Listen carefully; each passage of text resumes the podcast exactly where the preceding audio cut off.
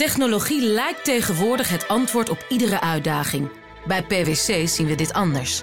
Als we de potentie van technologie willen benutten, kunnen we niet zonder een menselijk perspectief. Human-led, tech-powered noemen we dat. Ga naar pwc.nl.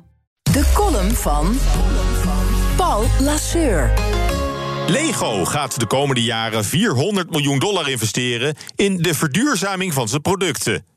Nu zijn de Lego-blokjes nog van niet afbreekbaar plastic dat uit olie is gemaakt en niet kan worden hergebruikt. Maar de Deense speelgoedfabrikant is hard op zoek naar een geschikt bioplastic dat goed genoeg is om de vrolijke bouwsteentjes van te maken.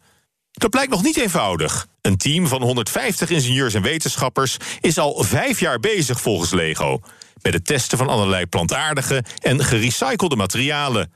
Tot nu toe vergeefs. Het wil maar niet lukken om een duurzaam blokje te creëren met dezelfde kleur en glans en precies het goede klikgeluid van het origineel. Helemaal lastig is het om de functionaliteit van de oorspronkelijke Lego-blokjes te evenaren. Ze moeten namelijk niet alleen makkelijk in elkaar kunnen, maar ook weer uit elkaar. Wel goed om te weten dat Lego zo zijn best doet om een leefbare planeet achter te laten, zonder daarbij de belangen van de kleine consument uit het oog te verliezen. Want die heeft natuurlijk recht op de oude Lego-kwaliteit van vroeger. Het is een duivels dilemma voor het sympathieke bedrijf. Alleen niet erg geloofwaardig.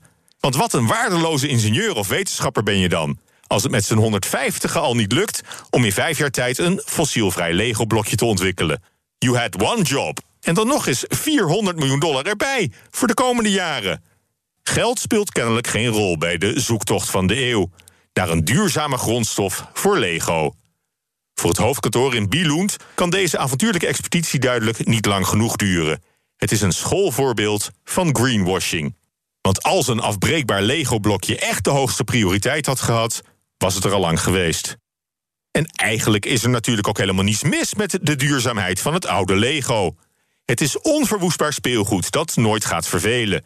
En oude spullen niet weggooien, maar blijven gebruiken, van generatie op generatie, dat is pas echt duurzaam. Dozen vol Lego staan nog bij boomers onder het bed en bij bejaarden op zolder. Voor de kleinkinderen. Niemand gooit zijn Lego weg. Dat doe je gewoon niet. Dus wat maakt het uit dat het fossiele plastic niet recyclebaar is en niet natuurlijk afbreekbaar? Dat wordt pas een probleem zodra de industrie kunstmatig een vervangingsvraag creëert. En al die miljoenen Lego-stukjes van 30 of 40 jaar oud alsnog worden afgedankt en in het milieu terechtkomen. Consumenten zitten ook helemaal niet te wachten op een biologische variant van Lego.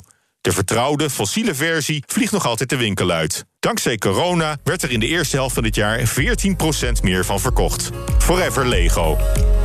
Prettige maandag. Technologie lijkt tegenwoordig het antwoord op iedere uitdaging. Bij PwC zien we dit anders. Als we de potentie van technologie willen benutten, kunnen we niet zonder een menselijk perspectief. Human-led, tech-powered noemen we dat. Ga naar pwc.nl.